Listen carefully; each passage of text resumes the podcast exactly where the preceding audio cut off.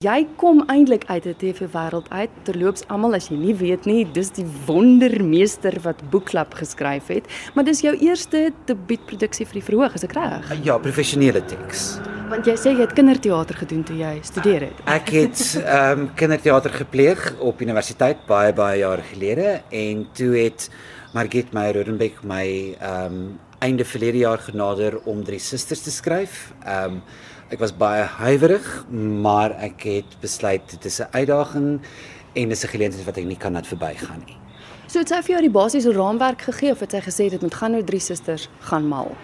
Dit was die voorskrif geweest. Dit moet gaan oor drie susters en dit is die aktrises wat daarin gaan speel en die res is 'n uh, skoon bladsy en Make it work. make it work.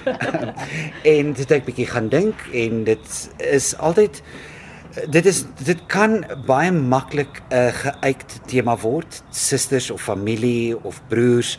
Ehm um, en toe het ek maar bietjie gaan kopkrap en toe het die idee van 'n verjaarsdag en 'n lughawe homself voorgedoen en van daar af het die teks gegroei. Was dit vir jou moeilik? Ehm um, ja, dit was 'n nagmerrie. Ehm um,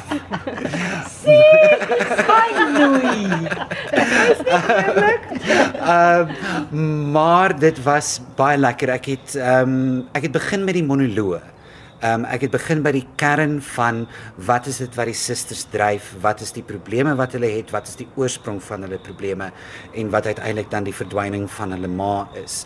En ek het gevra hoe beïnvloed hierdie oomblik wat in hulle lewe gebeur het die res van hulle lewe en toe ek rondom dit uiteindelik die karakters gebou en die storie.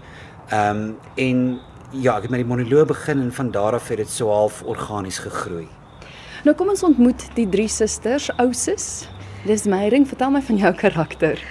Christine uh, beskryf Louis baie goed as 'n helikopterma.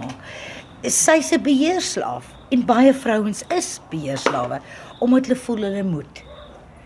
So ek het geen vooroordeel daaroor nie want ek is self 'n beheerslaaf in terme van my werk. Ek is nie 'n ma nie. Ek het nie broers, ek het net broers, ek het nie susters nie. Jy manage ons. Glad nie, maar jy, jy manage Net ons. te wat jy gesê. Kry daai in jou oog druk nie. Hier's 'n wet wipe helikopter. Uh, maar so ek dink Louis het miskien fyn na ons gekyk uh om om, om dit uit te vind, maar ek dink baie vrouens kan met haar broosheid identifiseer. Die eerste vlak is she's in control.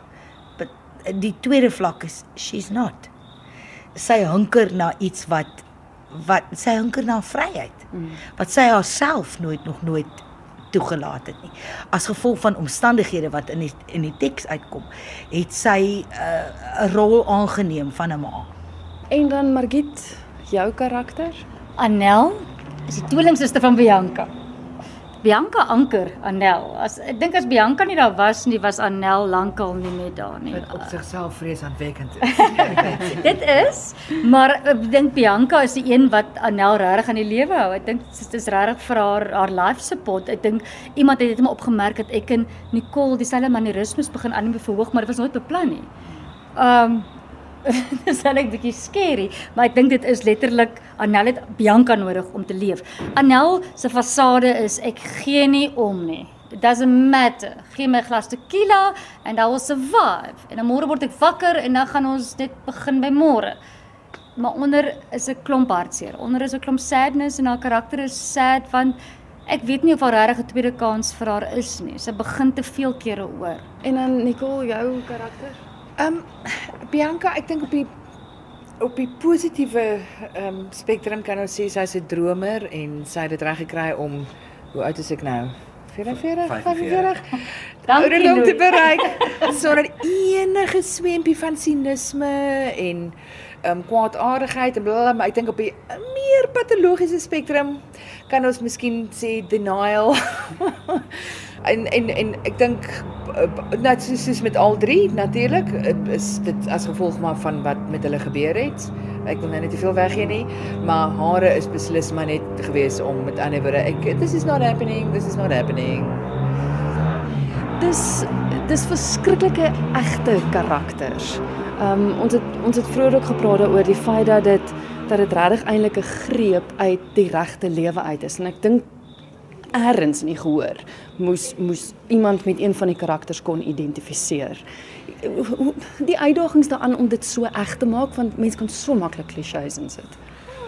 Ehm um, ja, ek ek het met baie mense gepraat um, wat my gehelp het. Ek het met 'n paar um, ek het die idee gehad vir hierdie is die moontlike sielkundige wond wat hierdie drie karakters het en dit is moontlike karakters wat ek wil skets en dan het ek met um, terapeute en baie goeie vriende gepraat. Um, Melan Stein wat 'n ongelooflike emosionele wêreld het mm. en 'n ontsaglike insig in mense ehm um, en met hulle gepraat en soort van dit probeer uitpleis om te om dit so eg as moontlik te maak en hopelik iets daarmee in die in die dialoog en die interaksie vas te vang en ja, ek ek ek hoop dat dat die gehoor iets kan raak sien van die um, van die weerloosheid van van mense. Ehm um, en ek dink dis uiteindelik maar altyd waarna ek kyk as ek probeer skryf is om te kyk om of net te sê ons is almal weerloos en maar dit gaan okay wees. Eventually everything will be fine. Daar's honderde duisende produksies oor vrouens. Hierdie een is vas. Dis oorspronklik. Dit is uniek. Dis nie die klisjées nie. En dit is wat Louis gesê het, dit gaan na die eg menslikheid. Nie net oor vrouens nie, maar oor uh, uh, maar oor ons hoe almal hulle hulle keuse maak uh, om om om te oorleef. En hoe elkeen se, jy weet, fasade is.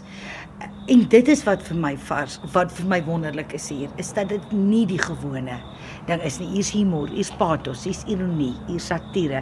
Hier's al daai fyn teksture in een teks. Op die ou end van die dag doen ons teater om mense iets te laat voel. Dat hulle lag, dat hulle huil en dat al daai fyn grense is tussenin. Jy weet wat vir een mens snaaks is, is vir 'n ander mens hartseer.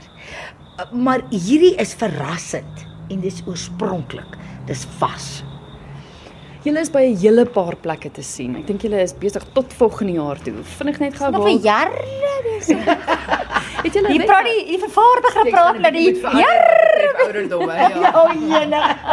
Maar is daar 'n plek waar hulle kan uitvind of moet hulle maar net die media dop? hou? Nee, die Vrystaat Kunstefees is ons volgende stop, maar ons is uitverkoop daar. Ekskuus, nog klein bietjie lekkerder. Mufasa. Ehm um, en dan gaan ons aardklop toe. So asseblief kom ons by aardklop. Maar wag voor dit is kalfiefees. O, Koffiefees. Ek sê ag baie dankie maar. Dankie maak Koffiefees in Onrus. En dan uh ehm uh, is ons by aardklop en dan volgende jaar gaan ons die pad vat. So dan doen ons aardklop. Ag nee, aardklop nie. Ek het by die teater vir 'n week en ons doen die boer in Mei in Durbanville vir 2 weke en ons gaan letterlik ehm um, 'n paar toere doen en ons gaan regtig die pad vat en, en op, hopelik KAKNK en Woordfees tussenin. Ek dink ons het 'n show geskep met almal se betrokkenheid van Tara wat die regisseur is, Louis die teksskrywer, Jean Steenkamp, ons tegniese regisseur wat 'n rots is. Ja. En dit is altyd 'n span. Ja. Ja ja, Ja. ab- Ons staan en kry die applous, maar dis nie ons staan daar Nee, voor, maar almal moet die applous. So jou kom agter elke vrou staan 'n vrou. In hierdie geval. Jy het 'n- en 'n man. jy, jy het 'n jy het 'n span nodig en ek dink ons het die regte span bymekaar gesit want dit wat ons in teater nodig het op hierdie stadium in hierdie land is om 'n produksie te skep wat kan loop vir 'n jaar of 2 of 3. En wat kan hoop gee? Wat wat help om ons eie en ander se menslikheid te verstaan?